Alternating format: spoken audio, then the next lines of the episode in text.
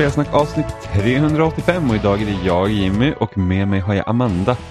Ja, Ja, ja det stämmer bra det. du höll ju på att presentera podden som stelsnack. Ja, men det, det är inte så tidigt på morgonen men det är tillräckligt tidigt för att jag fortfarande ska vara trött.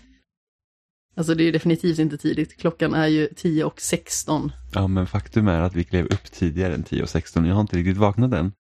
Hur är det möjligt? Du har varit vaken i tre timmar. Och fortfarande trött. Ja, det är hårt liv för dig. Mm. Det var ganska kul eh, i jobbchatten, prata om någonting, så var det en, en kollega som frågade något och jag missuppfattade helt vad hon menade. Så jag skrev någonting, någonting så här. Och det här var på en typ torsdag och jag bara, jag skyller på att jag fortfarande är måndagstrött. För att eh, sopa över att man hade missuppfattat. Så kan man också göra. Men det är inte rätt. Nej det är det inte, men eh, det, allt blir lite roligare om man kan vara lite tokig i vardagen. Jag känner det, att jag förgyller någons vardag om man är lite extra knäpp. På ett bra sätt. Ja, du förgyller ju min vardag. Det gör jag, hoppas jag. Med mina tokigheter. Japp, Ja, den där nicken hördes väldigt bra. det sa ju Ja, men jag. först var det typ så här jättestort nickande. Vi gör inte bara radio, vi gör också tv. Och charader. Och charader, ja precis. Ska vi, ja men det, det, charadpodden, det hade ju varit något. Man får inte säga någonting och så sitter alla och gissar. Vad ska det, ska det vara gå? Ja, men det är ju lite som det här i kvarteret Skata när de har någon form av så här charadkurs eller någonting sånt. Och så är det en som aldrig kan hålla sig från att prata eller att göra ljud. Och så gör hon liksom rörelser och så säger hon liksom så här Åh, vad det blåser! Det är svårt att gå när det blåser så här. Ja, fast eh, nu pratar du igen. Jag är inte lika familjär med svensk komik. Kvartersgatan är underbart. Det är både liksom Johan Glans och eh, David Batra bland annat som är med. De har ju gjort eh, väldigt många roliga sketcher i det där. Sen så vet man ju inte riktigt hur alla saker åldras. Men är det någonting jag vill se varje jul så är det deras julspecial för att den är fantastiskt rolig, verkligen. Mm. Ja, jag har ju aldrig sett så jag vet inte. Nej, för att den finns inte på SVT Play av någon outgrundlig anledning. Och inte heller på Youtube. Och inte heller att ladda ner någonstans. Nej. Jag har letat som en blådåre.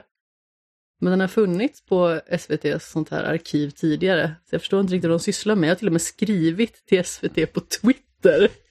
Svarade SVT. Nej, det var dåligt. Det var väldigt dåligt. Det var som när jag frågade, jag skrev till Coca-Cola och frågade varför inte Coca-Cola van Vanilj fanns kvar fortfarande. Och det var precis när Zero hade kommit ut.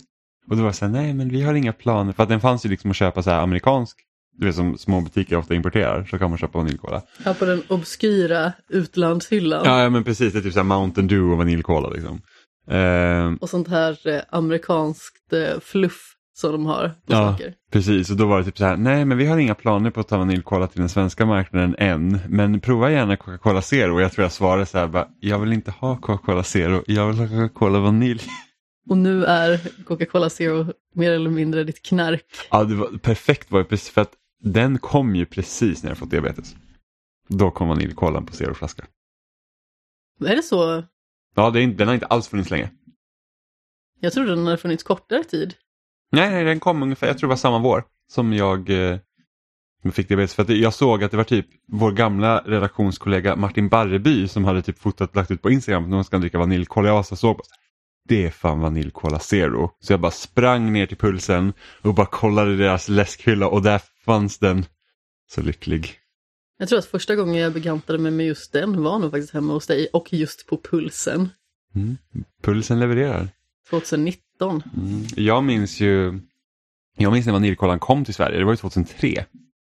Eh, och det var väldigt många som var väldigt skeptiska till den och var så här att, ja men gud vad är det här liksom. Och jag, jag kommer ihåg att när vi var på någon så här mack tror jag och så frågade min mamma så här, men vad är det, alltså vaniljkola, vad, alltså är den ens god? Och hon typ så här, som stod i kassan och bara, ja alltså den smakar jättekonstigt, jag vet inte. Så kan man ju inte säga. Men hon var i alla fall ärlig. Ja, fast ska man sälja in någonting så kan man Men hon inte försökte inte sälja in den. Hon var bara så här, det där är för märkligt för att jag ens ska kunna be- befatta mig med den. Så att, eh, men eh, vi köpte och smakade och sen dess har jag varit såld. Men den var ju inte, den var inte så poppis i Sverige då för den försvann ju sen. Förmodligen för att den inte sålde tillräckligt bra. Förmodligen. Och sen har den då under årens lopp, alla vi som gillade vaniljkola 2003 lyckas hålla det vid liv. Nu, nu går alltså så fort det typ kommer, alltså de, de hade ju bytt etikett på ICA Maxi. Eller ja, vi såg att etiketten hade bytt när var på ICA Maxi och den tog ju slut typ på en gång. Ja, ja. Den var slut fortare än en höna bajsar ungefär. Mm. Ungefär som ankorna som bajsade utanför här. Hade du tänkt att få med den berättelsen i den här podden också? Val- Vi har redan berättat vår gräsands historia i skämshögen. Ja, när valpen skrämde ankorna så mycket så att ankan gick iväg och bajsade på sig. Ah, det var tider det. Mm. Man hörde den här så här. Och så, Någonting att berätta för barnbarnen. ja, men jag tycker det. Det är liksom så här att naturens under om jag säger så. Naturens under som är att djur bajsar. Men alltså, ja, vi såg ett litet hur ett djursamhälle hade kunnat se ut utan mänsklig påverkan. Hundarna skrämmer ankorna som bajsar på sig. Och det är så de skapar vägmärken. jag, jag är alldeles för trött för det här, känner jag. Noterat. Noterat. Jag packade upp min Wii U här i veckan. Så att min Ja, det var också väldigt besynnerligt när man kom hem och så satt du med den där jättetjocka plattan. Ja, eh, så att eh, min PS4 åkte ner, eller åkte ner, den åkte in i en låda och upp i en hylla någon annanstans där den inte tar plats. Och, eller ja, den tar ju plats, men inte där vi behöver ha plats. Den slutar ju inte existera Mm, bara för att du tar ah, bort den. k- Nästan så, men min PS4 åkte ner i alla fall för att Jag tänker mig att det är lite som Merlins väska sådär. Han får plats liksom med hela köket och alla böcker och sådant. Ja, för min PS4 är ju i princip PT-maskinen eftersom det är den enda spelet jag inte kan spela på den på någon annan plattform. Eh, PT-maskinen. ja, precis. Det är som man, som man blir fit och spelar PT på PS4. Precis. Man springer iväg för att man blir rädd. Ja, eh, Så man blir vältränad. ja, förutom att jag inte har en skivläsare på min PS5 så att jag kan inte spela mina PS4-spel som jag har på fysiskt på den. Men eh, det får vara sekundärt. Jag tänker att sen när det blir så här mid, eh, mid-generation upgrade då kan man köpa den med skivläsare om det blir som sist. Men i alla fall, min PS4 åkte ner och min Wii U åkte upp för att jag skulle spela Metroid. Jag har inte spelat Metroid Zero Mission eller Metroid Fusion. Jag spelade lite Metroid Fusion på 3DS men jag har inte liksom klarat det. Så jag tänkte att jag skulle ta upp min Wii U och eh, spela lite sånt. Jag trodde aldrig liksom skulle komma till en tid där jag plockar ner PS4 och tar upp Wii U. Liksom. Ja, det låter som eh, någonting som inte händer i något universum. Ja, nej precis. Eh, sen så tycker jag inte illa om Wii U men jag, jag kollade igenom nu för den har ju sån här en daily log. Så man kan se allt man har spelat och jag har spelat verkligen oförskämt lite på min Wii U. Ja, men Wii U känns lite som en olycklig konsol. Ja, men Det den- gick liksom inte riktigt som någon hade tänkt. Nej men jag tror att problemet var det att Nintendo liksom var så här att efter Wii så ska de liksom tänka sig, ah, men hur kan vi göra, hur kan vi liksom fortsätta liksom att hitta en, en ny upplevelse liksom. Och då började säkert, och, när de började säkert planera Wii U så var det innan iPads och eh, andra läsplattor liksom blev poppis. Så att, och den kom ju ut precis efter det och då har du liksom den här Wii U-paddan som först ser ut som typ så här Duplo-varianten av Lego. Och, och liksom, liksom ställ en iPad bredvid Wii U-paddan och liksom, vilken liksom teknik ser liksom roligare ut att använda. Alltså skärmen framförallt är ju pytteliten i relation till en vanlig läsplatta. Mm, precis, och, och liksom, formen är, liksom, är stor och klumpig och det, liksom, det, det ser bara konstigt ut. Och sen så Nintendo visste inte riktigt själva vad de skulle göra med Wii U heller. För att det, förutom liksom Nintendo Land så kan jag inte komma på något spel som har liksom använt liksom, paddan som en sekundärskärm till tvn på ett, liksom ett, ett riktigt bra sätt. Förutom att här har du kartan i princip.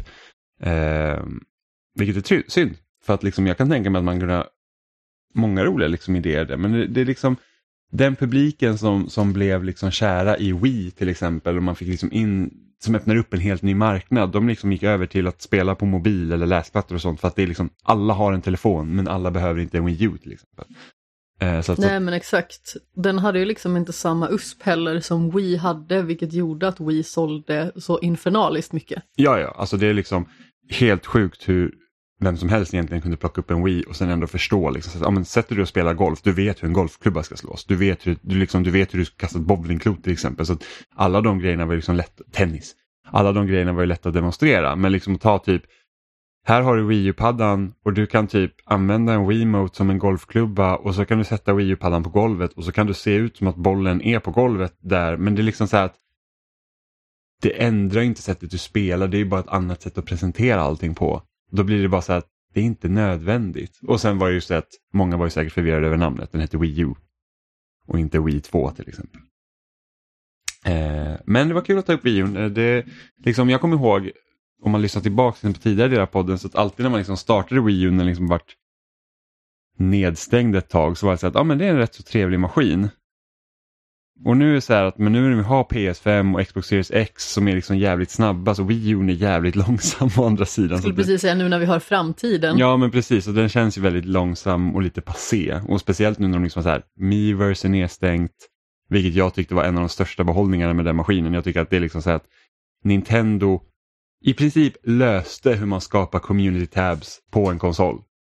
Det är liksom så att Miiverse var fan perfekt. Jag tycker det var skitkul liksom att varje spel hade liksom ett, som ett eget forum, man kunde liksom posta bilder och liksom text och liksom folk var allmänt liksom ganska trevliga eh, på Miiverse. Och just det att det var integrerat i de här olika spelen också. Nej, men liksom, det... Allmänt ganska Ja, men, trevliga. alla, men du vet, liksom, det kan ju bli ganska hård stämning. Liksom.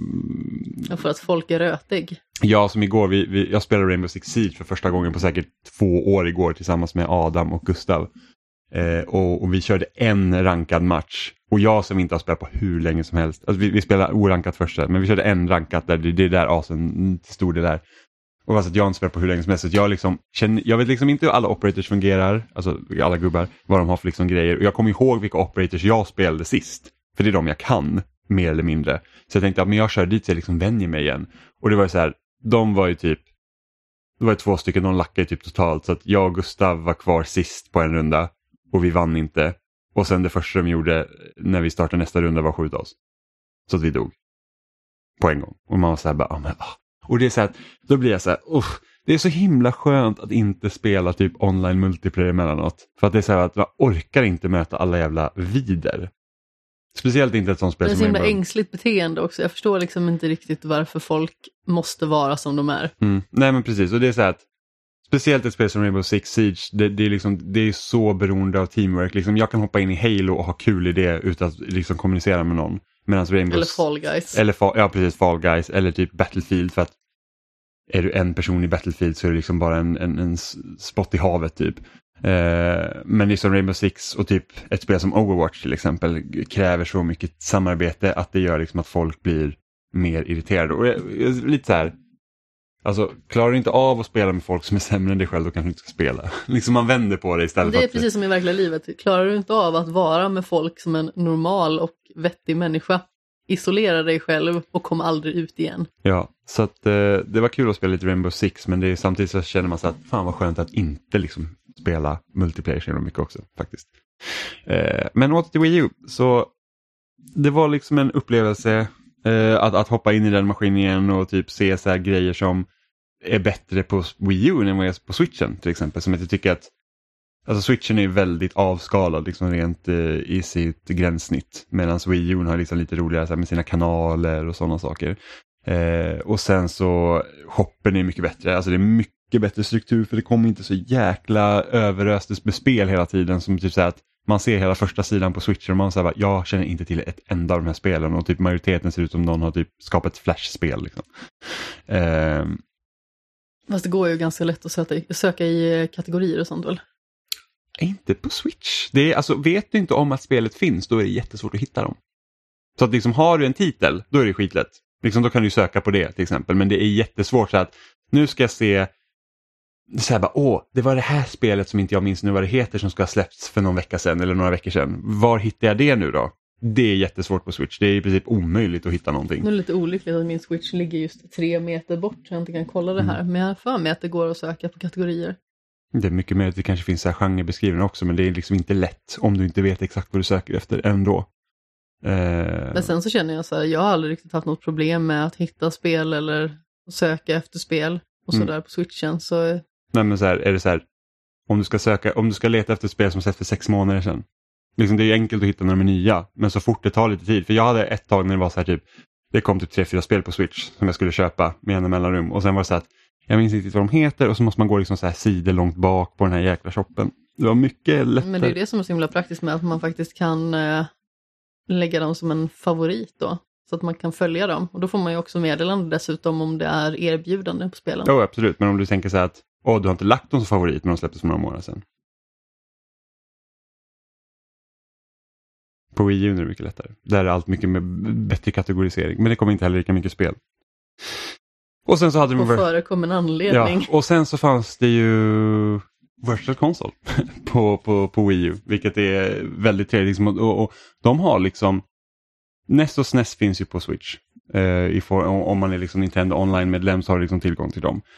Men eh, liksom ingenting mer. Och så gick jag in då och kollade, liksom, eftersom jag skulle köpa de Metroid, Game Boy Advance Metroid-spelen, alltså Metroid eh, Zero Mission och Metroid Fusion, så tänkte jag men jag ska kolla lite vad som finns annars på Switch. Det finns ju så här DS-spel, Nintendo 64, förutom Game Boy Advance. Och, så det var ju också så här, här finns en del, nu, nu var inte utbudet jättestort, jag kommer ihåg att eh, Virtual Console på Wii var liksom helt sjukt, det fanns hur mycket spel som helst. Här är det ju väldigt begränsat, det kanske finns ja, men en handfull titlar till Nintendo 64, en handfull DS-titlar. Liksom. Så det är ju liksom inte alls mycket men ändå rätt så kul. Så typ på Nintendo 64 det finns så här Mario Golf eh, som vi pratade om förra avsnittet när vi så här, ja men första spelet hade ju minigolf.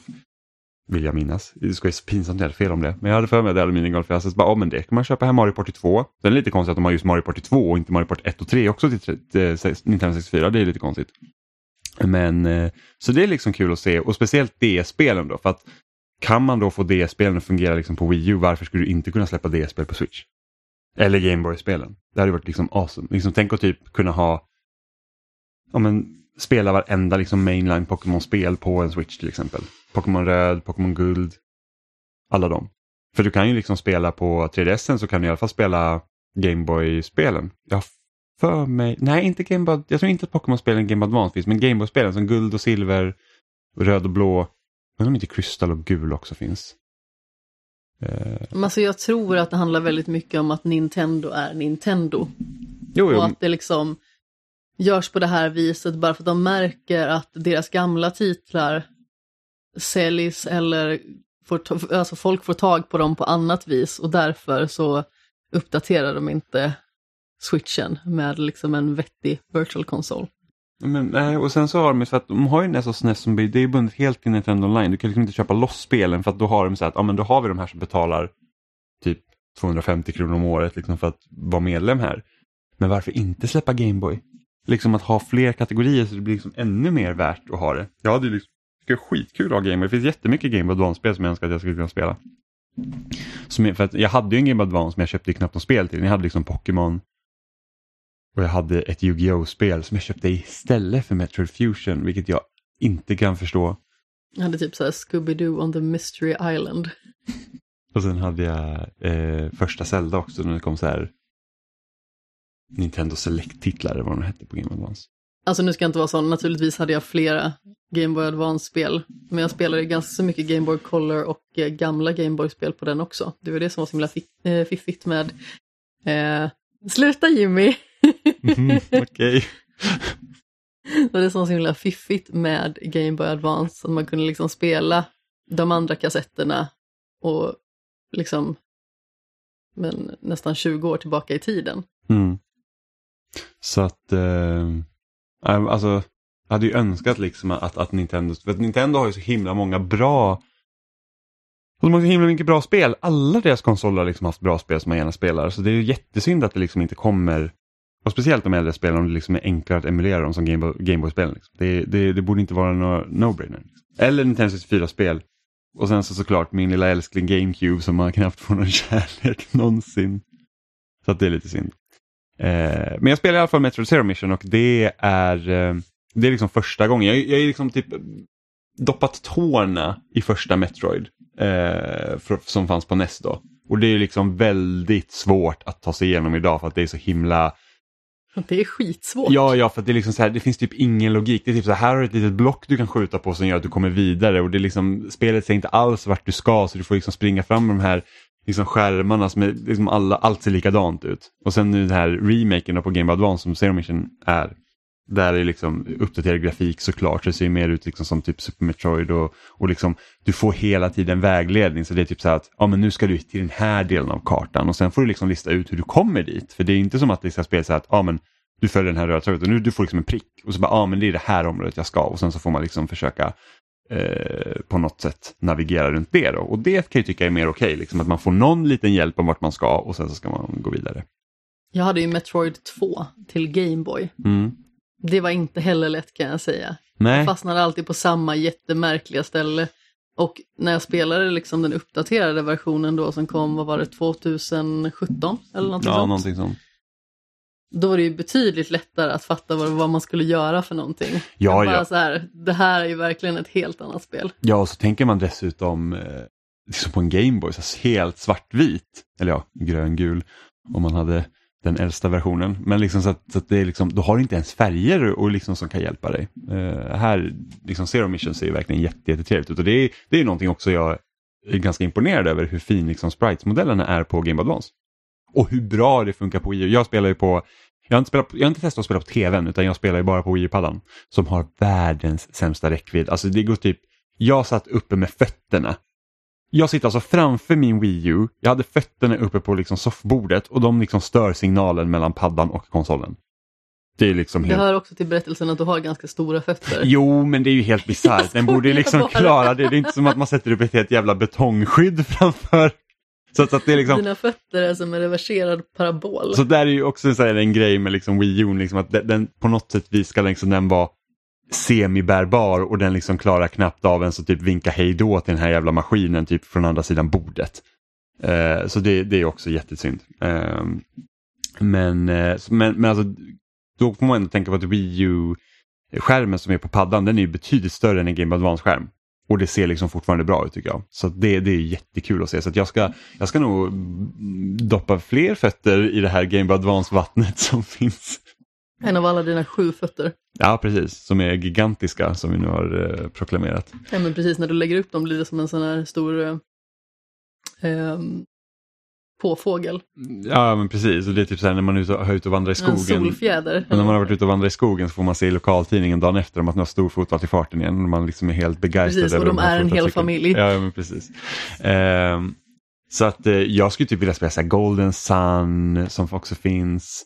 Eh, nu behöver jag inte köpa de två första Advance Wars-spelen längre eftersom de kommer ju till eh, de kommer ju till Switch. eh, Switch eh, eller ja, det kommer i en, en bundle då i Switch till eh, i december. Och sen så finns det typ så här Advance Wars Dual Strike finns ju också på Wii U, vilket var så här, oh, det är ju det roliga Advance Wars, eller ja, det är det Advance Wars jag har spelat, Days of Ruin då, men det, det är liksom skitbra.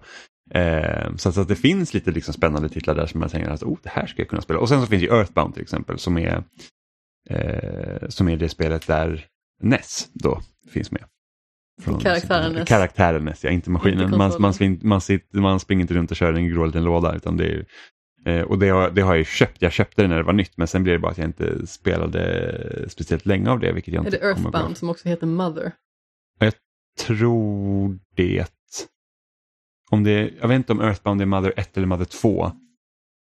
Jag, jag minns faktiskt inte, jag, jag har lite dålig koll. Men jag, jag, nej, Earthbound måste nästan vara det första. För att sen har ju, jag tror det är Lucas som är huvudkaraktären i tvåan. Ja, ja, men jag har inte tillräckligt bra koll för att jag ska kunna säga säkert. Um, så det finns ju en del bra grejer och jag förstår liksom inte varför inte Nintendo har Ja, men liksom säger Earthbound, varför finns inte det på SNES på Switch? Vad är det som gör att de håller på det? Så det är liksom väldigt eh, synd, tycker jag. Vet man varför de hade olika namn? Nej, ingen aning. Det kan hända att det är två olika team som har lokaliserat det. Så att du, du har liksom mm, Spelet kommer från Japan och sen så lokaliseras det Mm. både i USA och i Europa. Det står Mother known as Earthbound outside of Japan. Ja, okej. Ja, men då är det ingen aning. Så jag antar att det eh, det första. västerlänningarna tycker att Mother var ett dåligt namn. Ja, men då är, då är det det första. Ehm, vi vill inte förknippa våra mödrar med tv-spel, de ska ju stå vid spisen. Mm. Mm, Precis. Eh, men Metroid Zero Mission är i alla fall kul och det är så att självklart så peppar jag ju inför Metroid Dread då och liksom tänker att jag har ju spelat de flesta Metroid Mainline-spelen eh, men jag har liksom inte klarat ettan då och jag har inte klarat Fusion och det tänkte jag att jag skulle göra nu så jag köpte dem på Wii U. Eh, och det är liksom mer Metroid. Eh, det jag känner så här att jag får inte riktigt någon så här story-koppling till de här spelen eftersom de är inte liksom, nu vet jag att Fusion är mer storytungt än till exempel eh, första Metroid då. Men det är liksom inte så här att jag hänger inte, jag spelar inte det riktigt för låren då så att säga och jag tror inte att, liksom, att det är nödvändigt för mig liksom, att spela de här spelen innan Dread heller egentligen. Eh, men det jag känner liksom det här med varför jag tror liksom att, för jag börjar fundera så här att jag gillar ju Metro Prime och liksom trilogin väldigt mycket för jag tycker om, jag föredrar ju liksom att kunna utforska ett tre, en 3D-miljö framför en 2D-miljö. För jag känner att liksom jag, jag blir mer investerad i 3D. Liksom det, det, är lättare att placera mig själv liksom i, i, i en 3D-miljö än i 2D. Jag tror det är typ så här, när jag pratar om Hollow Knight så känner jag att liksom hur de har satt upp världen där, där känner jag mig liksom mer så att det här känns verkligen som en plats. Det är lite för abstrakt nästan i Metroid. Eh, för jag känner liksom att när jag jämför nu, jag tänker tillbaka Fusion, Zero Mission, Super Metroid och sen Metroid 2, de liksom flyter ihop lite för mig. Det är liksom inte, de känns inte, platserna känns inte tillräckligt distinkta. Även om jag tror den största skillnaden kommer då från uh, Metroid Fusion, för jag tror man är på någon bas och sen blir man jagad den här uh, typ en klon av sig själv eller vad det nu är. Super Metroid är ju verkligen i min skämshög. Det är ett sånt spel som jag inte har klarat. Mm, det finns på Switch. Jag vet. Eh, och, det, och, det, och, när jag tänker på någon miljö på Super Metroid så finns det något ställe som är så här skitirriterande att ta sig igenom så jag inte minns vad det heter. Men det, är typ så här, det känns nästan som att man är under vatten och så är det en massa typ så här gul svamp runt omkring. Alltså, typ, ja, tänker typ, nu killgissar jag lite, men det är inte typ sådär att man måste hoppa på massa väggar och göra dubbelhopp och Mm, grejer? Jag minns inte, men något på M kanske heter. Men då tänker inte jag, när jag säger gula svampar så tänker inte jag liksom ätbara svampar, jag tänker så här skumgummisvampar som man typ tvättar bilen med. Så ser det Jag ut trodde som liksom inte att det var ett helt rum med kantareller. det mycket möjligt. Så att, eh, Jag tycker att du underskattar min kapacitet här. men eh, jag vet inte lyssnarnas kapacitet här så att de liksom inte, jag tänker för att hade någon sagt svamp till mig så är jag bara så här, ah ja, champinjoner liksom. Eller tänkte du på skumgummisvamp när jag sa att det såg ut som svampar? Nej, alltså svampigt tänkte jag väl Ah. snarare. Liksom texturen. Ja, okej. Eh, men samtidigt som Metroid-spelen är väldigt roliga. Det är liksom just det här med att oh, en uppgradering till, ett nytt vapen som man kan liksom ändra och sen så öppnar det upp nya gångar och så som man kan gå i. Så det, det, det är väldigt roligt upplägg så. Eh, så att jag ser väldigt mycket fram emot Metroid Red och så, så kommer jag vara, de är inte så långa, jag tror att eh, typ ettan ska gå och klara typ på 4-5 timmar och jag är ju liksom, jag ska ner till Crade nu och jag har spelat i två och en halv timme eller någonting sånt. Och redan. Mm, Men jag tror inte Crade, nej inte Crade har jag klarat, jag ska till Ridley. Men jag tror inte Ridley, Ridley är inte sista bossen så att jag tror att det är, man tar Ridley och sen så börjar väl typ endgame eller någonting sånt. Kanske. Så, att, så att det är inte jättelångt. Fusion tror jag längre. Eh, men så det är kul, det var, det var spännande att plocka upp Wii faktiskt. Så, vad har du spelat? Jag har äntligen blivit klar med Mass Effect 2. Mm. Med nästan totala 50 timmar har du spelat. Ja, nästan totala 52 timmar. Vad blir det 52? Sist jag såg din timer stod den på 49 och någonting. Nej, jag tror att det landade på 51 och 30 eller någonting sånt. Det är ändå imponerande. Jag tror att eh, varje gång jag har kört Mass Effect så har jag, tvåan så har jag i alla fall kommit under 25 timmar. Va, är det sant? Mm. Ja, men sen så hör det ju till historien också naturligtvis att jag har ju också suttit och antecknat mycket och det är lite svårt att veta hur klockan tänker, höll jag på att säga, eller hur den räknar i spelet. Jag brukar ofta pausa genom att trycka på Playstation-knappen. Men ibland så pausar man ju även för att eh, samtidigt så ska man ändå in i menyn och härja. Mm. Så då passar jag på att anteckna då. Men det har ju varit väldigt mycket anteckna. Nu eh, så spelade jag ju även eh, Lair of the Shadow Broker och eh, Arrival i går respektive förrgår. Och då blev det ytterligare en sida. Så där strax över 21 sidor anteckningar. Och då är det här alltså råa anteckningar och liksom inte utförliga beskrivningar. Så jag känner att det ska bli intressant att omformulera de anteckningarna till en flytande text och hur långt det faktiskt blir. Jag är också lite rädd. Mm. För att det här är mitt liv nu känns det som. Det här kommer bli ett långt projekt och jag har ju precis börjat på trean också. För jag kunde inte hålla mig för jag var så himla exalterad över att äntligen få börja på trean. Så, så fort jag var klar med Arrival så Det, var, startade det. det var så himla kul för när du började bli klar med tvåan, du bara så här, ah, men hur långt har du kvar på Final Fantasy 10? För det är det jag håller på att spela till mestadels. Och jag bara så här, ah, men jag har väl kommit typ 40% in eller något. Så att, ah, vad bra, för att jag, jag tänkte att jag vill ha en liten paus innan jag börjar på Mass Effect 3. Så vi kan ta det sen när du är klar med Final Fantasy 10. Jag bara, ah, ja det är lugnt. Och sen du var igår så bara, jag vill börja på Mass Effect 3. Ja, men alltså grejen var ju den att jag hade ju en liten paus mellan att jag faktiskt klarade Mass Effect 2 och att jag, eh, nej det hade jag faktiskt inte, det var bara en dag. Så absolut noll paus.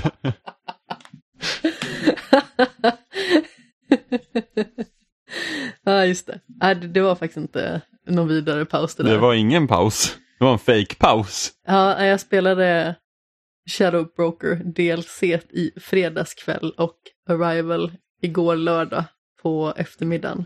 Så ja, det var ju lite olyckligt att eh, det inte var en längre paus än så. Men eh, jag antar att det är här jag ska berätta om vad jag tycker Ja, om alltså, vad, spelet. vad, vad tycker du nu liksom? Nu har du, för att många anser liksom att Mass Effect 2 är liksom peace, peak Mass Effect. Inte peace Mass Effect, utan peak Mass Effect. Jag skulle Eh, säga att det är War Mass Effect ja, snarare än eh, Peace. Så eh, för att många Alltså det, det är ofta så att tvåan eller ettan är bäst och många gillar ju rollspelselementen i ettan medan de som kanske tycker mer om action eh, kanske föredrar tvåans upplägg plus att eh, det är mycket mer karaktärsdrivet i tvåan. Så jag undrar lite, vad, vad, vad, hur känner du liksom om du jämför vad du tyckte om Mass Effect 1 och Mass Effect 2 när du har spelat dem liksom ändå back-to-back? Alltså tvåan är ju ett ganska så klassiskt mellanspel eller liksom en mellantitel. Där det är en ganska så lång transportsträcka, även att det liksom händer viktiga saker och många trilogier har ju liksom tvåan som det spel eller den film som faktiskt är bäst. Och det jag oftast hör är att Mass Effect 2 är bäst. Jag vet inte riktigt om jag har kommit underfund med vilket jag tycker är bäst. Men ettan ligger mig väldigt varmt om hjärtat. Så. Jag kände att det var en mycket mer greppbar upplevelse. Det tog inte så jättelång tid att ta sig igenom det. Jag tror att inklusive allt var jag nog klar på 25 timmar. Eller någonting sånt. Mm. inklusive allt, jag har ju inte gjort allt allt, men inklusive allt som jag ville ta del av i form av eh, annat eh, nedladdningsbart material och sådär liksom. Så kändes det mycket mer överkomligt och jag uppskattar ju att när man verkligen kommer in i ettan så känns det mer strömlinjeformat och eh, jag ges inte fullt så mycket val som i tvåan. Och jag tror att det är det som jag tycker kan vara lite klurigt med, med tvåan. För att man har liksom så himla mycket val man måste göra hela tiden. Typ att ja, men, nu måste du välja en av de här karaktärerna som du ska leta upp. Mm. Och sen så kommer ett litet mellansegment. Och sen så har du nästan lika många karaktärer till du måste leta upp. Och sen så har man lojalitets... Upp, Nu är det kattkonferens här. ja, verkligen. Hon saknar mig igen, det var ju olyckligt. Eh, nej men alltså, sen har man ju lojalitetsuppdrag till varenda en av de här karaktärerna och det är liksom inte få karaktärer. Och även att jag tycker om de uppdragen och tycker att samtliga liksom är otroligt spelvärda och eh, många också dessutom väldigt älskvärda och eh, ger otroligt mycket till berättelsen.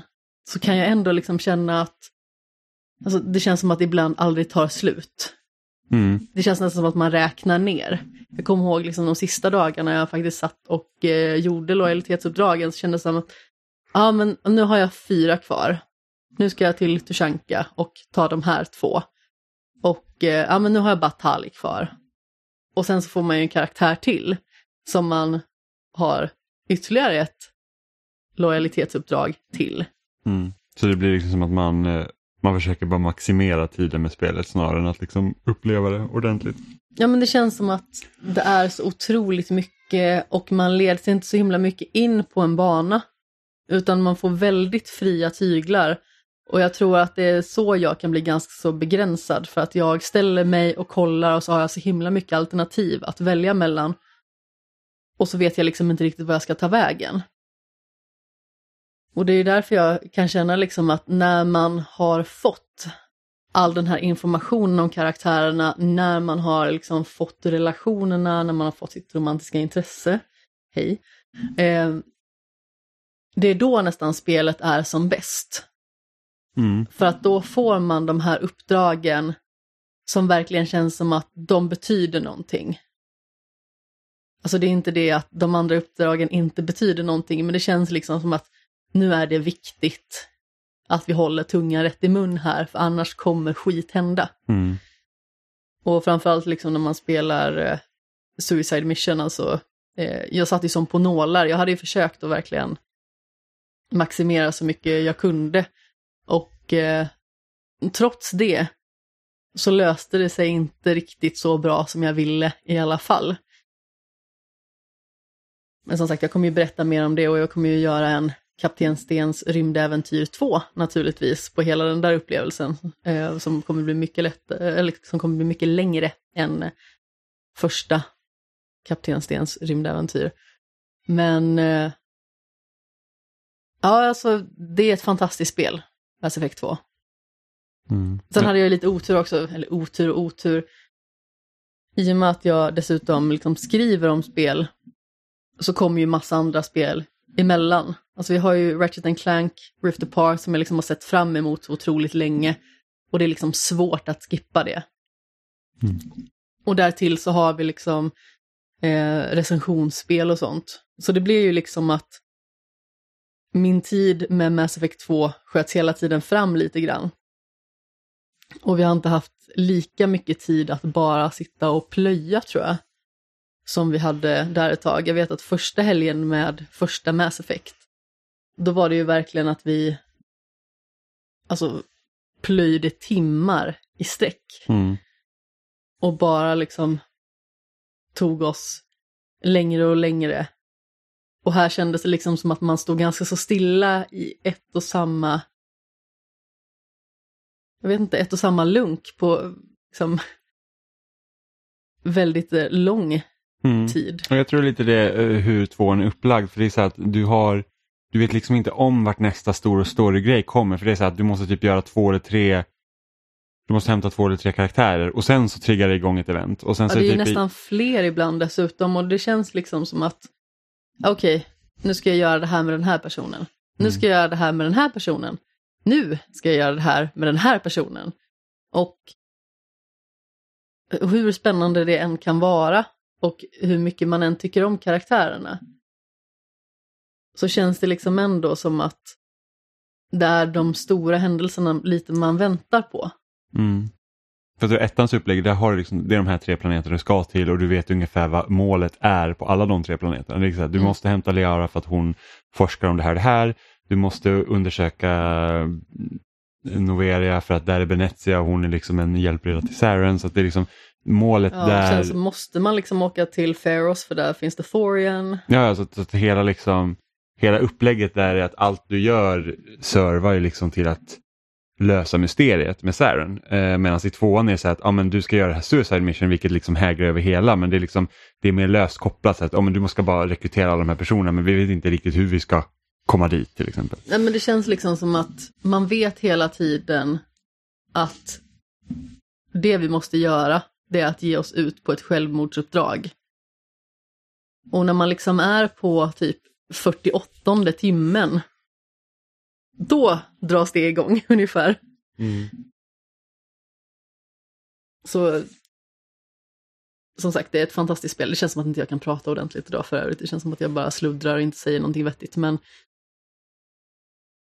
hur bra en Mass Effect 2 är och hur mycket känsla jag tycker att det liksom bringar till serien så tror jag faktiskt att jag håller första spelet högre ändå. Bara för att jag tror att det var en mycket mer intensiv och speciell upplevelse.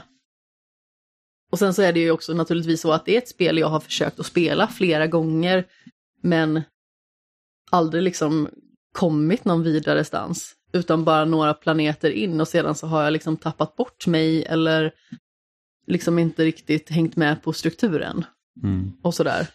Och när man äntligen liksom får bli klar med det där, någonting som man har väntat på så länge, alltså det kändes ju storslaget. Jag satt ju liksom med eh, tårar i ögonen när jag hade klarat båda spelen. Men jag tror att första spelet kände man ännu mer på något vis att man hade åstadkommit någonting. Mm. Ja, för det har man ju faktiskt gjort i ettan. Du åstadkommer ju någonting, du stoppar ju liksom invasionen. Eh, för där har du en sån tydlig skurk. Det Ja. har du ju inte i tvåan. Nej, du har ju precis. liksom Collectors och sen så dyker ju Harbinger upp. Men det är inte som att man får inte samma liksom att åh det här är liksom den stora skurken. Man får liksom inte ett ansikte på ondskan på samma vis. Nej, det blir liksom det, det, blir mer löst och med tanke på att liksom tvåan hela tiden bygger mot finalen och det gjorde inte riktigt ettan. Ettan känns mer som en eh, som en komplett upplevelse. Även om det liksom slutar med att ja, men Reapers finns fortfarande men vi stoppar den här gången. Och i tvåan blir det inte att du stoppar egentligen ingenting på det sättet. Utan det är bara så att oh, vi fick lite mer information till det som komma skall. Mm. Eh, och, sen, och, sen, är det en sak som är tråkig och det, det har inte du märkt igen än egentligen men eh, mycket som det som tas upp i tvåan det är inte relevant för trean för att de ändrar helt riktning på liksom vad Reapers är, vad anledningen till att de gör det de gör. Eh, vilket är väldigt synd. Så att liksom typ den planeten man hittar Tali på till exempel, det handlar ju om det här med att den här solen håller liksom på att gå sönder alldeles för fort. Du menar när man hittar henne andra gången? Ja, men, ja, men precis. Det, är när man henne. rekryterar henne. Så att den här mm. solen håller på alldeles för för det är någonting med mörk materia. Och det är egentligen... Ja, precis, den åldras jättefort. Precis, och det är nyckeln till hur trilogin egentligen skulle ha slutat. För att eh, han som var lead writer på både ett och två, han slutade innan trean tror jag. Eh, och han sa att det var lite så han hade tänkt och planerat för det. Och eh, det liksom, allt det kastas bort i trean. Ja, det är ju väldigt synd. Det är jättesynd för att och jag har liksom inte riktigt reflekterat över det när jag spelat liksom serien tidigare utan det gjorde jag först nu. För att jag var så att, nu, nu visste jag lite vad jag skulle hålla koll på men jag var så att det här liksom löses ju aldrig upp för att det är liksom det är inte relevant sen. Och, det är lite, och med tanke på att de gör, de gör det ganska viktigt och speciellt när man liksom hoppar in i, i, i loggarna och sånt som finns i, liksom i spelets kodex så är det ju ännu viktigare. Liksom. Mm. Så att det, det, är lite synd. Men som sagt, Mass Effect 2 är Alltså uppe i toppen. Alltså om vi tar liksom hela den delen av trilogin som jag har spelat så är det ju något av det bästa jag har spelat liksom. Mm. Det är svårt att komma ifrån. Mm. Det är liksom så mycket känslor och trots att det är en serie som inkorporerar så himla mycket olika eh, alien-raser och eh, sånt som kan kännas väldigt främmande liksom med eh, artificiell intelligens och och dylikt. Så är det få spel som får karaktärer att känna sig himla mänskliga. För att de lyckas liksom, nu spillde Jimmy kola över halva sig här, det här var ju olyckligt. Jag bara tog bort den i munnen och glömde vinkla flaskan så att den inte skulle hällas ut på mig. Ja, ja det var ju lite olyckligt. Nu är mitt gula linne lite brunt också. Ja, och dina gråa byxor. Ja, det är i alla fall sockerfritt så det är inte klarigt. Mm. Så det finns ju en eh, guldkant på den här historien också. Jajamensan. Tips från coachen, drick inte läsk med socker i. Ja, um, precis. Tips från diabetikern. Ja, precis. Ja, det också. Ännu bättre. Det är win-win för mig. Ja. Mindre kladdiga byxor. Och inget eh, högt flyende blodsocker. blodsocker. Jag undrar var du var på väg. Jag vet, jag vet inte ens själv vart jag var på väg. Eh, jag har det, helt glömt vad jag var ja, på väg i min jätte... utläggning för jag blev så psykad av ditt... Eh... Det, det, ska bli jättekul i alla fall att se dig spela Mass Effect 3 för att det är någonting det spelet gör riktigt bra det är att knyta ihop vissa trådar med karaktärerna. Alltså det, det är liksom, man känner att det liksom är att det här kan ju gå hur som helst. Ja men alltså jag känner det redan. Nu är jag kanske tre timmar in ungefär. Mm i tredje spelet och jag kände det att när man lämnar jorden, jag hade ju gåshud liksom uppe på huvudet. Mm, speciellt när de, eh, den musiken drar igång. Ja, alltså det, den är så ikonisk också. Den, den är så himla bra den eh, Och låten. så kommer den här liksom, jag håller på att säga båttutan. Ja, ja alltså det är ju skräckinjagande. Mm. Alltså det är liksom mardrömsmaterial det ljudet verkligen. Men, men det med Spectre har också att det ger dig liksom tid med eh, alla karaktärer du har lärt känna. Det är mm. liksom det som är, tycker jag, guldkanten i det spelet. Det är liksom så att det blir liksom ett avsked från serien och det blir ett avsked från de här karaktärerna. Så det liksom mm. blir det här att du får tid med Garrus, du får tid med Liara, du får tid med Tali. Du, liksom alla de här karaktärerna du liksom har träffat under de här tre spelen, det är liksom så att det ger dig tid att liksom vara med dem. Och även de nya karaktärerna som är helt nya för den här delen, liksom får du också lära känna bättre. För det är ju, om man går liksom tillbaka till Mass Effect 2, liksom, så, så, som jag kommer ihåg när jag spelade, det var liksom att wow, man liksom pratar så mycket med karaktärerna och efter varje uppdrag ska man gå och prata men man får alltid veta någonting nytt. Och nu när jag spelar om det så här, ja, riktigt så är det ju inte. Det är liksom det är inte så mycket interaktion med dem och det är ganska statiskt. Ja men man vet liksom att om man inte har kommit till det läget där man får ligga med Garrus, då kommer han liksom stå och kalibrera i en evinnerlighet. Ja, verkligen. och jag har för mig att i trean så är det lite bättre för att karaktärer byter lite plats. De är inte alltid på samma ställe och liksom det, det är lite mer liv på skeppet än att liksom Garrus, han, han liksom, hela hans liv behandlar liksom i det här lilla utrymmet och han står där med sina kalibreringar. Liksom.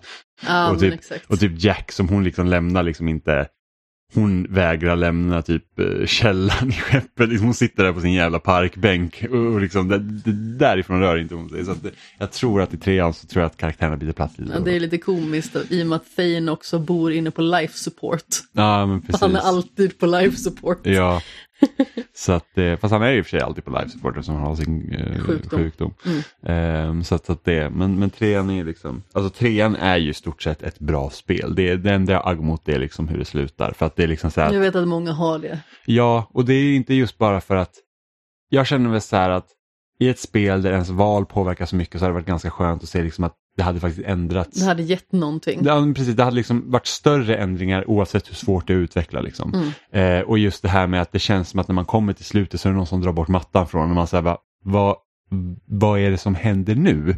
Liksom så att det här, det här känns liksom inte i linje med hur spelen har varit. Mm. Eh, så det, det, är lite, det är lite synd, men liksom jag tycker inte att det svärtar ner resten av serien för att jag, jag tycker fortfarande att det här liksom som en sci-fi trilogi så är det liksom bland det bästa jag upplevt.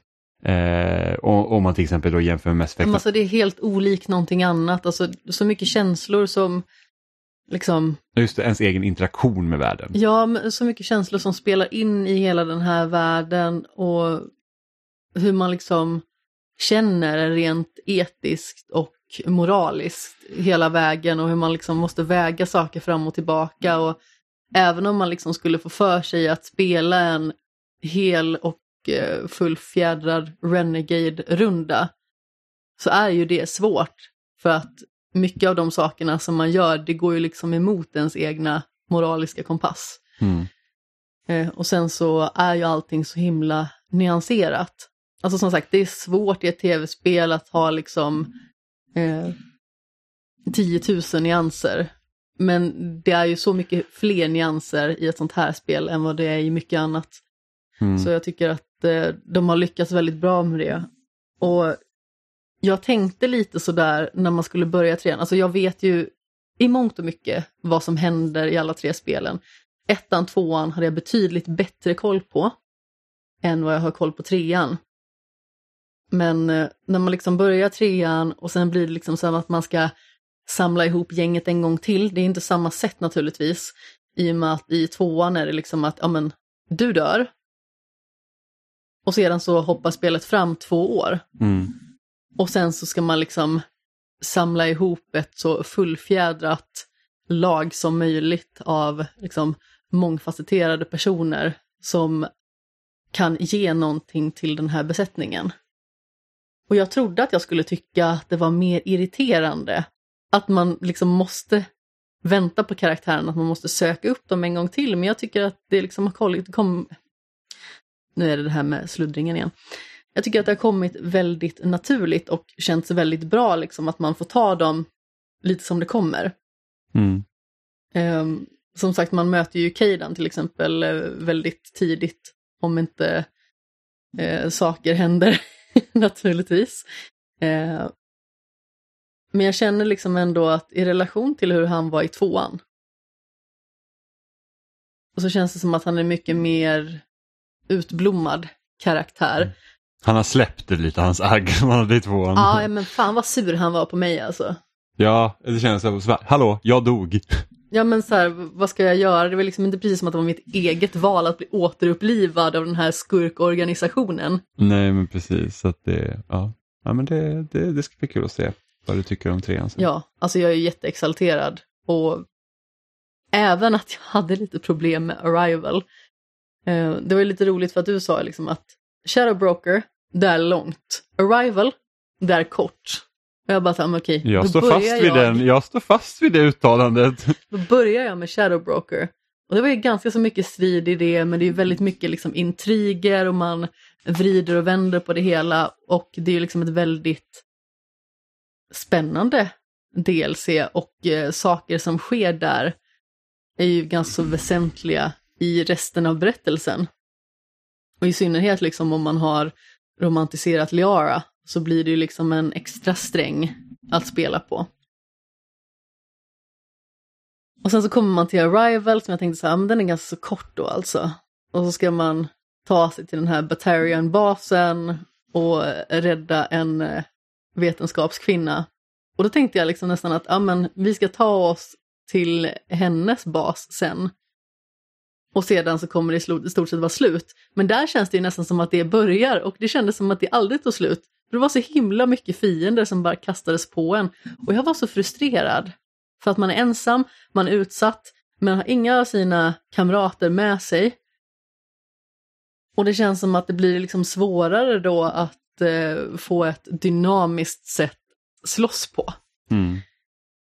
Alltså så jag var så himla förgrymmad, alltså i synnerhet när man liksom börjar komma in på slutspurten och jag dog och jag dog och sen så kommer det fiender från höger och vänster och det kändes liksom som att de aldrig skulle ta slut och jag var så arg. Den där klassiska Mass effect men det också. Och så ligger man där med typ så röda trådar över hela skärmen. Ja, men man var så himla frustrerad där. Mm. Och framförallt när jag kände liksom att nu är det så nära för mig att få börja med Effect 3. Det är så nära. Jag, bara jag kan känna det. Liksom, jag ska bara ta mig till den här platsen och bli upplockad. Men det kändes som att jag kommer fasen aldrig komma dit. Bara för att jag har så mycket fiender som hela tiden kastar skit på mig. Och jag hade inte förväntat mig att det liksom skulle vara så mycket strid där.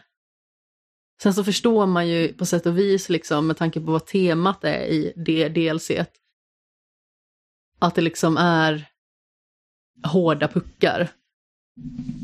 Att man verkligen måste sätta hårt mot hårt med tanke på vad det är som händer. Men samtidigt kände jag bara, så här, kan, man, kan ingen bara ge mig en paus? Mm. Jag vill liksom bara komma fram. Um, men som sagt, det är makalösa spel. Jag har sagt det 71 miljoner gånger nu, men jag ser så enormt mycket fram emot liksom att få avsluta färden. Mm. Och inte liksom för att bli klar med det, utan för jag vill liksom uppleva det själv. I och med att i synnerhet trean är det spel jag absolut har sämst koll på. Så känns det som att det finns så himla mycket mer att se. Mm. Och det känns som att jag lite mer ger mig ut på outforskat territorium. Mm. Jag kommer liksom inte ihåg vad som händer med alla karaktärer eller vad som kan hända med alla karaktärer. Även att jag vet vad som kan hända med vissa karaktärer. Det känns som att man behöver vara lite försiktig. Mm. Men eh, ja, jag är verkligen eh, superexalterad över att vara igång med det. Och i och med att vi har semester snart också så känner jag att om jag inte liksom blir klar med det den här veckan, då har jag liksom en semester där jag bara kan sitta och spela nästan hur mycket jag vill. Mm. Du kommer förmodligen inte bli klar med den här veckan. Det kan jag garantera dig att du Nej, nej, men alltså det är ju långt. Ja, alltså det jag tror att 30 timmar så brukar det ta för mig när jag spelar trean. Ja.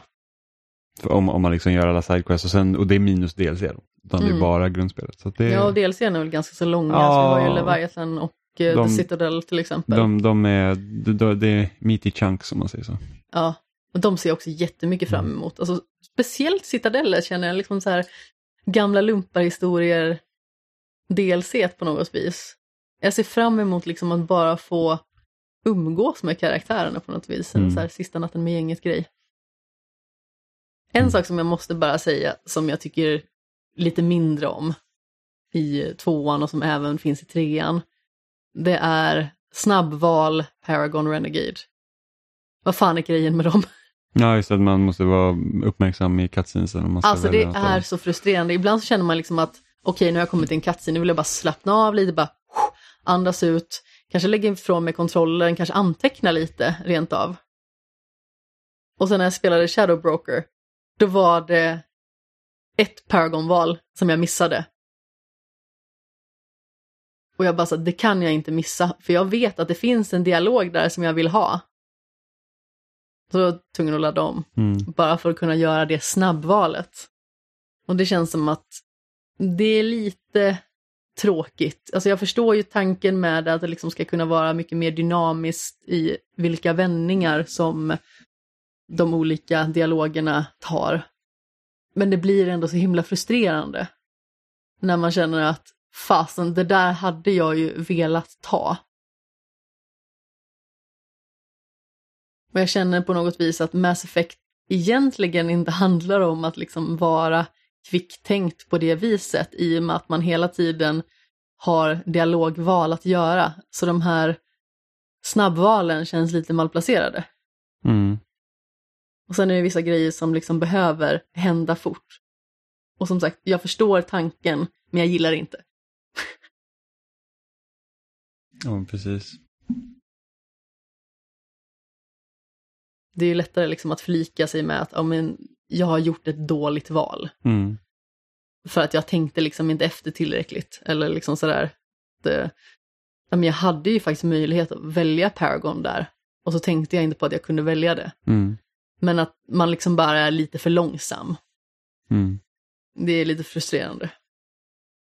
Mm. Jag har också spelat äldre spel, eller ja, jag har ju också spelat precis som Metro Zero Missions, det är jättenytt. Eh, men vi, vi pratade lite om det förra veckan, lite snabbt, och sen så hoppar vi över det helt enkelt. Men det är Final Fantasy 10. Har jag spelat. Eh, för det kom ju Det på är nästan Game... 20 år gammalt. Det är 20 Ja, år Det är gammalt. 20 år gammalt. Tror jag 2001 det kom. 2001 eller 2002.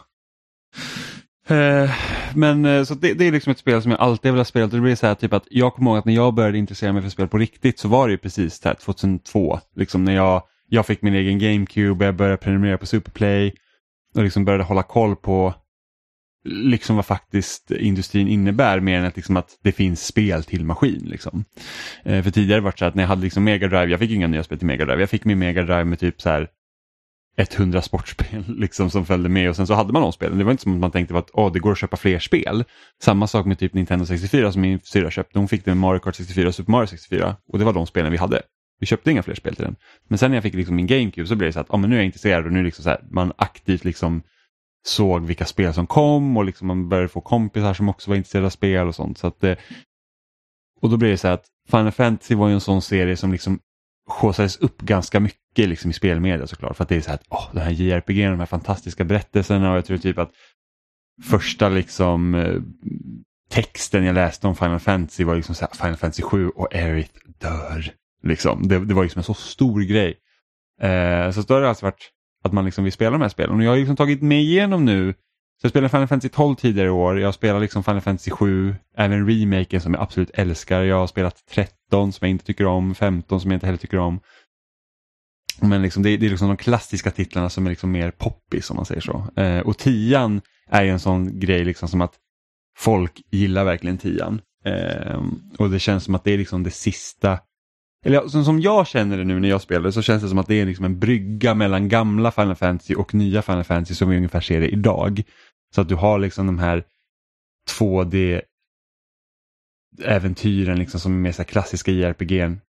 Och som sagt jag har inte spelat 9 och 8 så jag vet liksom inte hur de känns. Men samtidigt så känner jag liksom att 10 har tydliga influenser som kommer liksom influera 13.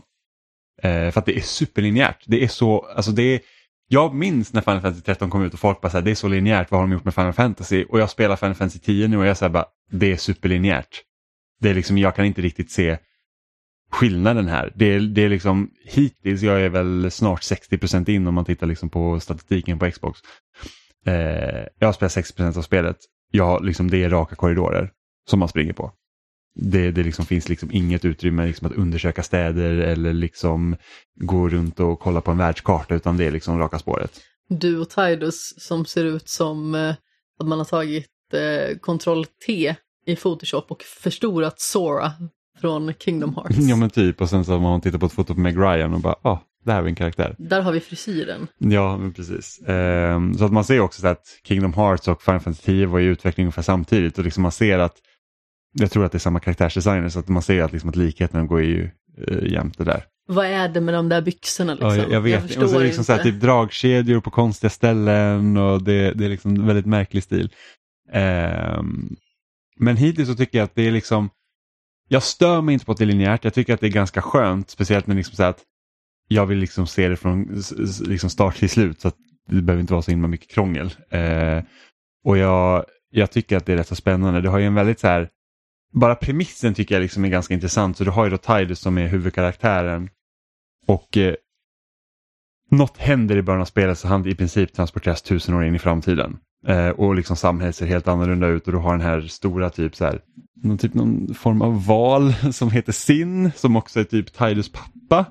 Eh, som typ så här, Hur logiskt som helst. Ja, det är jättemärkligt och som typ så här massakrerar liksom byar där det finns liksom, alltså så fort det liksom börjar bli mycket folk då liksom typ, då blir typ apokalypsen på det stället för att Sin kommer dit. Eh, så det är liksom det man ska ta det är det man liksom så i konflikten i spelet och då har man ju, då följer man en, en tjej som heter Juna som är en summoner och, liksom, och de olika summoners som finns i spelet de tränar då för att kunna liksom bli så starka att de ska kunna liksom slå sin. Så det är liksom det vad spelet handlar om. Eh, och det är mycket, jag tror att det är mångt och mycket liksom en kärlekshistoria egentligen mellan Tyrus och eh, Juna. Det är ungefär så det liksom målas upp och Tyrus är ju uppenbarligen betuttad av den här Juna. då. Eh, vilket blir så här lustigt så här typ 2000, tidigt 2000-tal, hur man liksom eh, framar en sån här grej. För det är typ så att han vill typ rädda Jona för att han är typ kär i henne. Det är, det är liksom lite så. Eh, så det blir lite lustigt.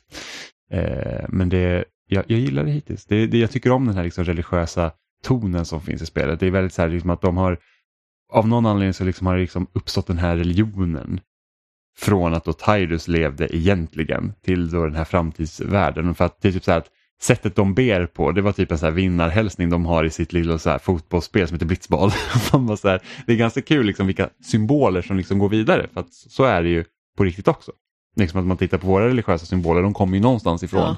Och hur de kan användas i liksom helt andra syften än de var tänkta till från början. Ja, ja men precis, alltså det är jättespännande och det liksom finns ju en, det är en väldigt mörk ton i spelet just för att världen ligger liksom, alltså den har ju i princip gått under, de lever i, i liksom i en sorts postapokalyps.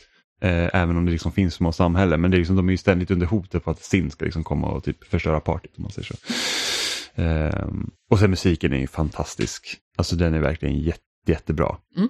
Eh, så det, det är liksom väldigt det, det, det, är en speciell, det är speciellt liksom att spela ett JRPG. Liksom så här. Jag gillar ju fantasy väldigt mycket. Så jag, jag tycker verkligen att det, det är jättespännande. Jag har inte spelat Final Fantasy 10. Men jag kände igen Tidus för att han är med i Kingdom Hearts som släpptes ett år senare. Ja, precis. Ja, och Wacka också för den delen. Mm, precis. De och Selfie från, är det åttan hon är med i? Jag har ingen aning. De är i alla fall med i mm. Ja men det är massa, det massa uh, Final Fantasy-karaktärer som är i Kingdom Hearts. Så att... Jo, jo, alltså vi har och just ju Aerith och Jaffe ja, ja. och, uh, och Leon. Och Squall och det, alla från liksom den eran av Final Fantasy är liksom med i de tidiga Final, äh, Kingdom Hearts-spelen också. Um, sen så är det så här typ att jag vet inte varför de i Final Fantasy alltid ska krångla till typ så här levelsystem och sånt. För det är inte så här att åh, nu går din karaktär upp en level så du blir automatiskt starkare. Utan du har ju de här, det är som ett bräde som man helt enkelt, så du går upp i, i level typ, då kan du röra dig. Så en level är en rörelse på det här brädet. Uppdatera ditt kretskort. Ja men lite så faktiskt. Och så, så när man rör sig på det här brädet och så då, har du liksom, då finns det liksom olika attribut och som så här, mer mana, mer HP, mer styrka, mer defense och så får man liksom lägga ut orber på det. Så att så här, säg att du står på brädet, säg att du står på en ability-grej på brädet så att det här är liksom en ability du kan få.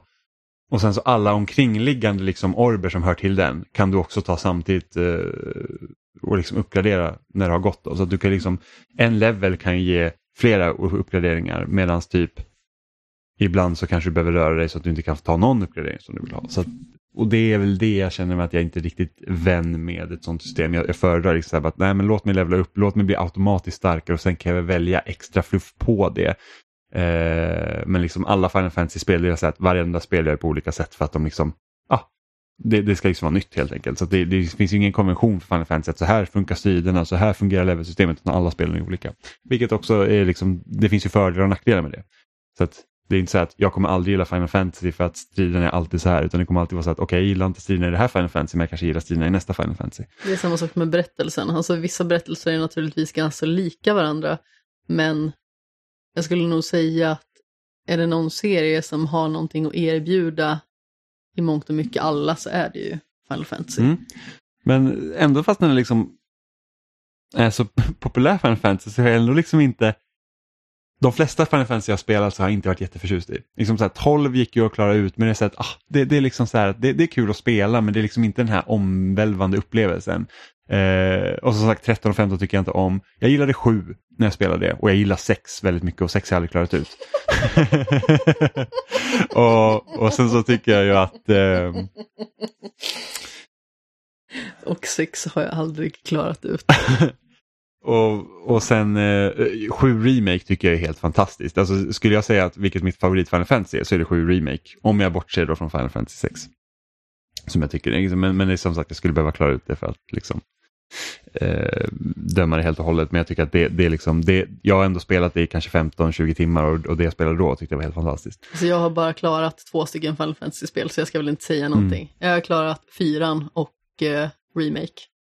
Mm. Så jag är ju liksom ingen jätte Final Fantasy-spelare, däremot har jag ju spelat sexan, jag har spelat mm. sjuan. Jag har nosat lite på nian någon gång. Mm. Ja, tanken är att jag liksom ska spela även 9 och 8 sinom tid men det är så att man vill gärna inte spela de här back-to-back -back för det blir lite mycket. Och speciellt när det kommer ut massa andra spel. Men nu, nu hade jag liksom tid för tian eh, och sen vet inte jag om jag ska ta, ta en 10-2 heller. Jag har liksom hört att det ska vara lite sådär. Eh, är det mm. samma karaktärer? Jag vet inte hur tian slutar. Jag vet att man är inte Tidus i 10-2. Man, man spelar som Yuna, Riku och sen en annan tjej. Och jag tänker ju bara på typ... Kingdom Hearts när jag hör namnet Riku ja, ja. och blir lite irriterad. Men de är typ så här ett popband för jag vet att det börjar typ på en konsert så det, det är jättemärkligt. Jag, jag, jag, jag har spelat lite av 10-2 eh, för flera år sedan. Liksom, så att jag lånar av en kompis liksom, men jag kom inte långt. Så det, och sen så, oh, en annan grej som jag också gillar faktiskt i Final Fantasy 10, det är hur striderna är upplagda. För det är, det är omgångsbaserade strider, eh, vilket jag kan tycka är ganska skönt i RPG med tanke på att idag så är de flesta helt actionbaserade. Eh, och det, det, jag kan tycka det är ganska skönt att man inte behöver liksom vara aktiv hela tiden i striderna eftersom det är så många. Eh, men det är just det att du kan använda hela ditt party, inte samtidigt men du kan byta in och ut karaktärer. liksom. Som i Pokémon? Ja, fast inte riktigt. I och för sig i Pokémon har man bara en karaktär framme hela tiden och sen så byter man. Monster. Ja men precis och sen så är det så här typ att byt, tar jag tillbaka min Pokémon och skickar en annan ut så är det ofta motståndarens tur. tur. Medan här så kan jag typ byter jag ut Tidus mot Riku till exempel och det är Tidus tur, då är det Rikus tur när jag tar in henne. Så där okay. kan man liksom bygga upp eh, sådana strategier. Okej, okay, men jag börjar med den här karaktären men jag tror det är bättre om jag tar in de här grejerna så kan jag buffa upp dem och sen skicka ut den. Så att, så att man kan liksom använda hela partyt och det är någonting som jag uppskattar. För att många gånger i JRPG så kan man inte göra det utan du har liksom så här, ah, nu har ditt party de här fyra och då är det dem. Och så man bara så här, och sen så får man byta utanför striderna. Det var ju min taktik för att levla upp karaktärer i Pokémon. Om jag typ hade en karaktär som var i level 30 någonting och så skulle man möta The Elite Four. Mm. Så hade jag min karaktär som var level 80. Ja, man hade sin jävla start i Pokémon typ Plockade typ ut 30 direkt, in med 80, mulade asen. Ja. Och sedan så gick 30 eh, karaktären upp i level. Ja, men precis. Det var ju så här typ att man hade sin typ, jag hade min så här eh, steroidpumpade Blastoise liksom som har typ fått vinna alla strider för att det var lättare så. Mm. Eh. så finns det ju någon sån här XP-share, mm. men jag tyckte att man fick så himla lite. Ja, för den delar liksom... Lika den, på alla. Ja, precis. Så jag tyckte att det var mest praktiskt att göra på det viset. Jag kommer ihåg att jag väldigt sent någon gång fick tag i en Bulbasaur som jag eh, försökte att få upp till eh, så hög nivå som möjligt och då jobbade jag så. Mm. Men jag avskyr när inte hela partyt får XP när man kör typ sånt här. Alltså jag förstår ju Pokémon, liksom, om man har så att ditt monster som inte tränar får ingen XP, det kan jag köpa för det är logiskt. Liksom. Mm. Eh, men ofta i RPG så jag absolut hatar när inte hela partyt får XP när man vinner strider. För det kan vara så här att ibland kan det vara så att partyt delas upp. Och helt plötsligt har du då ett gäng som är helt värdelösa för du inte har kört med dem så mycket. Och då är det så bara, nu blir det jobbigt. Det har hänt mig i, i flera JRPG. Okej, okay, men nu, nu, liksom, nu ligger jag lite pyrt till för att helt plötsligt försvann min healer och så försvann min liksom, typ tank och så splittar jag med de här liksom, som jag knappt har använt. Utan jag tycker att, liksom, att är hela partyt med då ska de såklart få expo. B-laget som är kvar. Ja men precis och det är även här så att använder inte du dina karaktärer då får ju inte de XP så att du kan liksom använda det här brädet på dem. Eh, och det blir lite tvång också. Ja men, men, ju, ja men just med att det är så enkelt att byta ut dem under matchernas gång så är det liksom, då gör inte det lika mycket för då vet jag att oh, jag kan behöva lite mer XP på den här så då kan den komma in och göra någonting litet och sen drar man ut den igen. Eh, dock lite jobbigt är det så här att när en karaktär dör då får inte den XP om man klarar striden. Så det var jättejobbigt. Jag klarade en boss med Tidus och han dog precis innan och så bara, ja, det var ingen XP för Tidus, det var ju sämst. Liksom. Eh, men det, det är intressant. Alltså det har varit väldigt mycket gamla spel för mig i år känner jag. Vi har spelat Ratchet Clank, vi har spelat två Final Fantasy, vi har spelat, jag har spelat massa Yakuza. Massa Yakuza. Ja, och nu spelar jag Metroid Zero Mission så att jag liksom ligger så här, jag ligger och myser i tidiga 2000-talet känns det som med mina spel. Jag har spelat en del gamla spel. Men eh, det har inte släppts så himla mycket nytt heller som jag har varit intresserad av. Jag tror att jag kanske har spelat fyra stycken nya spel i år eller någonting sånt. Mm. Och då är det typ så här, men Ratchet Clank Rift Apart naturligtvis, It takes two, eh, Mario Golf Super Rush. Har vi något mer? Mm. Jag har ju spelat, jag har spelat Returnal och jag har liksom spelat, jag hade deras DC, ja just det, New Replicant fast D det är i och för sig en remake. DC, super, nej, DC Hero Supergirl Teen Power som jag spelade som inte var bra. eh, recenserade så det är inget jag köpt själv. Eh, och sen, vad är det mer jag spelat? Jag har spelat massa spel. Nu ska vi se, jag har ju faktiskt en lista. Mm, vilka spel jag har spelat som har släppts i år. Jag har spelat Destruction All-Stars tester, det var inget kul. Fantasia har jag spelat lite av. Eh, Gnosha, Genesis Noir, It Takes Two, Mario Golf Super Rush, Maquette. Jag har skrivit Mass Effect Legendary Maquette har jag också spelat igenom. Ja, Narita Boy, New Pokémon Snap, Ratchet Clank, Resident Evil Village, Returnal och Super Mario 3D World plus Bowsers Fury. Alltså jag har ju också spelat Guilty Gear Strive och Olympic Games Tokyo 2020 som släpptes 21. Mm. Olympic Games Tokyo, det är fasen ett spel som ligger oväntat bra till på mitt årets spellista. Jag gillar att Oliver som har varit iväg idag och hoppat trampolin med Jenny har skrivit i vår gemensamma chatt. Jag tänkte bara att det är lika bra att uppdatera om, om Olivers välmående. Att hoppa, Eller brist på det. Ja, att hoppa trampolin var ungefär tio gånger jobbigare än jag väntade mig. Jag tänkte att stridskraften och gravitationen skulle göra det mesta jobbet. Fick pausa efter två minuter. Jag kan säga typ att Oliver gick in på det här trampolinstället, såg en trampolin och var så här, det här är för mycket för mig. det är lite kul faktiskt. Men alltså man blir oväntat trött av att hoppa trampolin. Jag kommer ihåg sist vi var på voltflip och hoppade. Och sen så typ tre dagar senare så skulle jag springa. Och jag var så här, fan vad ont i benen jag har. Jag, bara, jag kan inte förstå varför det är så jäkla jobbigt att springa helt plötsligt och liksom hade helt glömt bort att vi faktiskt hade hoppat trampolin några dagar tidigare. Jag hade det... väldigt mycket överskottsenergi verkar det som när vi hoppade senast. För jag vet att du gick och satte dig och jag stod och studsade som ett litet barn fortfarande. Jo, men det var bara för att också ge plats för de andra barnen som, att, av någon anledning. De andra barnen som inte är jag. ja, precis. De, av någon anledning så är det så här att, jag kommer ihåg när jag var liten så var det så att Såg man någon man inte kände så gick man liksom inte riktigt dit eller var efterhängsen eller försökte liksom vara så här påträngande. Men barn eller på... frågade snällt. Ja, liksom. precis, men barn på Voltflip de är så här, åh, där är en matta jag vill hoppa på. Så sätter de sig, de nästan klistrar sig fast så nära de kan och så sitter de och glor på en. Och man säger, men alltså snälla kolla inte på mig när jag hoppar. Och sen så satte du dig och de bara som iglar på den ja, där precis. Och det, det är liksom okej. Okay. Sen så frågar jag så här, man vill ni hoppa? Liksom, ja, och då bara okej, okay, då är det bara att hoppa. Liksom.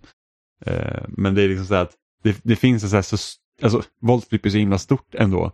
Och det är så här att ah, här är den mattan vi kan liksom avvara till oss själva så att barnen kan liksom få röja runt så mycket de kan och så ska de ändå dra sig som myror till, eller så myggor till den mattan som de inte har. Ja, men det är väldigt märkligt också för att jag stod och hoppade på den lilla av de två mattorna. Alltså det är två mattor som man kan hoppa extra högt på. Ja. Man kan hoppa upp på olika liksom, plattformar. Eh, och den lilla av de två hade jag och den stora hade du och du satte dig typ i två sekunder och sen var det liksom som en svärm av barn som bara kastade sig på den mattan. Ja. Det var lite besynnerligt och en av ungarna höll på att hoppa in på min matta dessutom. Jag ja, blev ju livrädd, jag tänkte att jag kommer ju typ råka sätta mig på det här barnet och mosa honom. Ja, ja men det är så att här har du en jättestor matta så istället för att hoppa i mitten av mattan så hoppar man i ena kanten, gör en volt och hoppar in på andra mattan. Så ja, och bara... så här kommer liksom Amanda Sten med röv lika stor som att det typ skulle kunna gå saker i omlopp kring den. Ja, alltså det, ja barn är roliga. Eh, men det var allt vi hade för den här veckan. Eh, så ni hittar oss som vanligt på spesat.com. Där finns också länkar till alla ställen vi finns. Som eh, er favoritpodcast-app som vi definitivt finns på. Som Apple Podcast, Spotify, RSS-flöden, Google Play. Vi finns överallt där du hittar podcast helt enkelt helt gratis också. För nu börjar man märka att det, det börjar komma ut prenumerationsmodeller för podcast numera. Tror både Apple och Spotify har någon så här på gång som man så kan betala för extra innehåll. Det behöver man inte göra på Spelsnack, vi har allt innehåll gratis. Eh, För att vi har inget extra innehåll.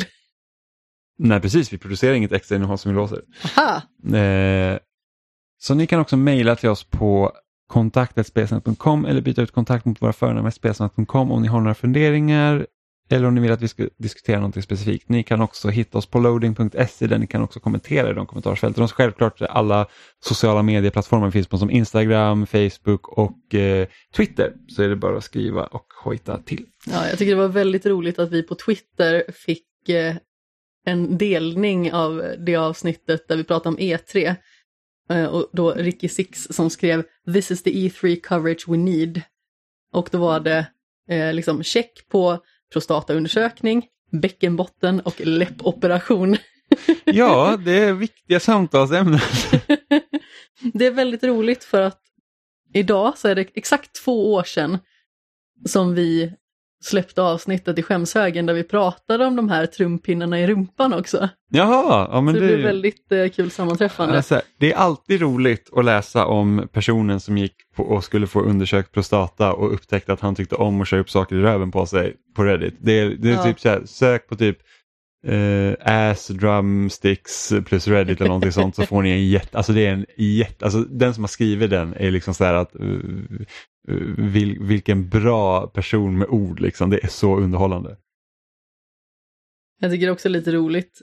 Det var avsnitt 18 av Skämshögen, Ja. två år sedan. Nu är vi på 73. Och eh, avsnittets beskrivning var Den vackra tanken om ett strukturerat avsnitt spricker kvickt. Mellan språkande om superhjältar och skräckupplevelser smyger sig in trumpinnar i rumpan och fantasymeloner.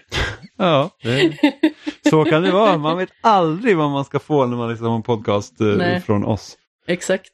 Vi pratar om allting som är eh, både märkligt och mindre märkligt. Mm, och ibland är vi märkliga. För det mesta skulle jag Ja, vilja precis. säga. Eh, men eh, vi, On hör, brand. precis, vi hörs igen eh, nästa vecka med ett nytt rykande färskt avsnitt från Spelsnack. Puss i. Hej då. Kanot.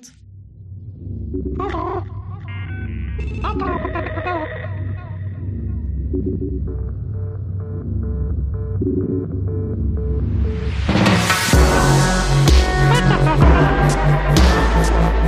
the?